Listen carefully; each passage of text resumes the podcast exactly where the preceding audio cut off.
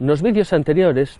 expliqueivos como unha das principais dificultades que enfrenta o galego, que enfrenta a nosa lingua, é a falta de input de cualidade para restaurar os usos das nosas palabras e das nosas estruturas. E nos vídeos anteriores puxemos exemplos de palabras que se encontran, de palabras e estruturas que se encontran prácticamente no limite da desaparición, para as quais é evidente que o reforzo da lusofonía, o reforzo a través de outras variedades do galego portugués no mundo sería esencial, porque esas palabras xa non se ouven prácticamente no galego común Hoxe vou vos por outro exemplo, mas vou vos por un exemplo dunha palabra que aínda ten muitísima vitalidade no galego e que é usada por prácticamente todas as xerazóns. Trátase do verbo virar, que é un verbo con moitos valores, mas co seu valor máis frecuente, que se traduciría en castellano por girar, eh, aínda é moi usado, non? Hai moita xente nova que efectivamente usa xirar en vez de virar, por exemplo, xira naquela rúa á esquerda en vez de vira naquela rúa eh, á esquerda, mas mesmo así, mesmo estas persoas que usan o verbo xirar en vez de virar,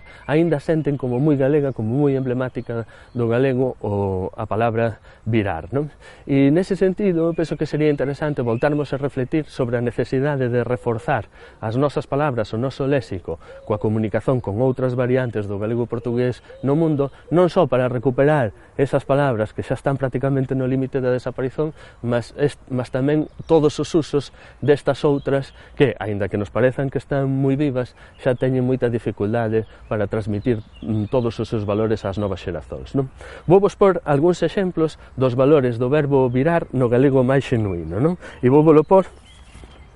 Vou vos por eses valores traducidos para o castellano. Por exemplo, vira á direita que sería o valor máis frecuente, en castellano sería gira a la derecha, eh, este sería o valor máis frecuente, mas non sempre que en castellano se usa o verbo girar, en galego temos virar, por exemplo, non podemos dicer eh, que, que a terra eh, vira en torno ao Sol, senón que a Terra, en galego tamén diríamos que a Terra xira en torno ao Sol, e, para alén diso, o verbo virar en galego tamén ten outras traduzóns con outros verbos para o castellano. Por exemplo, vira a páxina, en castellano sería pasa página, virou as costas, en castellano sería le dio la espalda, virou o mapa, en castellano sería dale la vuelta al mapa, ou virouse para me ver, en castellano sería se dio la vuelta para verme. Unha persoa que fale castellano nunca ten dúbidas en relación a que verbo usar en cada caso para os diferentes valores que vemos aquí, non? Mas unha persoa que fala galego xa ten máis dúbidas, non?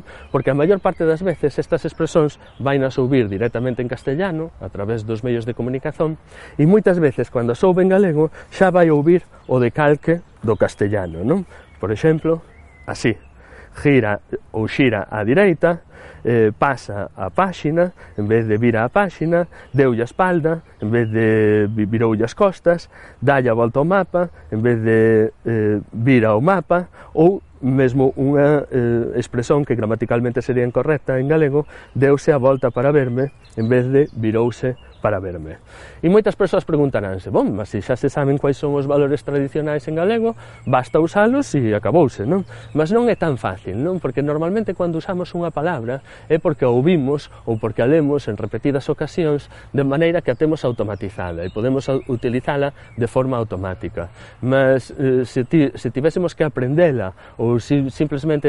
a sabemos, non conseguimos reproducila automáticamente, non? Ou se a conseguimos reproducir automáticamente Infelizmente, moitas veces parecemos falantes de linguas estranxeiras ou autómatas, non? Cual é a solución, entón? Bon, a solución é que asumamos que para restaurar os usos do noso léxico, en vez de pedirmos esforzo aos falantes para usaren o vocabulario correcto, eh, fagamos unha política lingüística eh, máis determinada eh, de maneira a conseguir eh, relacionarnos de igual a igual con outras variedades do galego portugués no mundo, con outras variedades do galego portugués no mundo que teñen moi vitais estas eh, estruturas, non? relaxando as fronteiras ortográficas, cooperando en termos de innovación lexical, eh, usando medios de comunicación eh, deses países e tamén que eses países usen os nosos medios de comunicación, esa é a mellor maneira de ir pondo en uso eh, os valores destas palabras que estamos perdendo e a solución non é máxica, non vai ser dun día para outro que todas as persoas van usar estas palabras correctamente,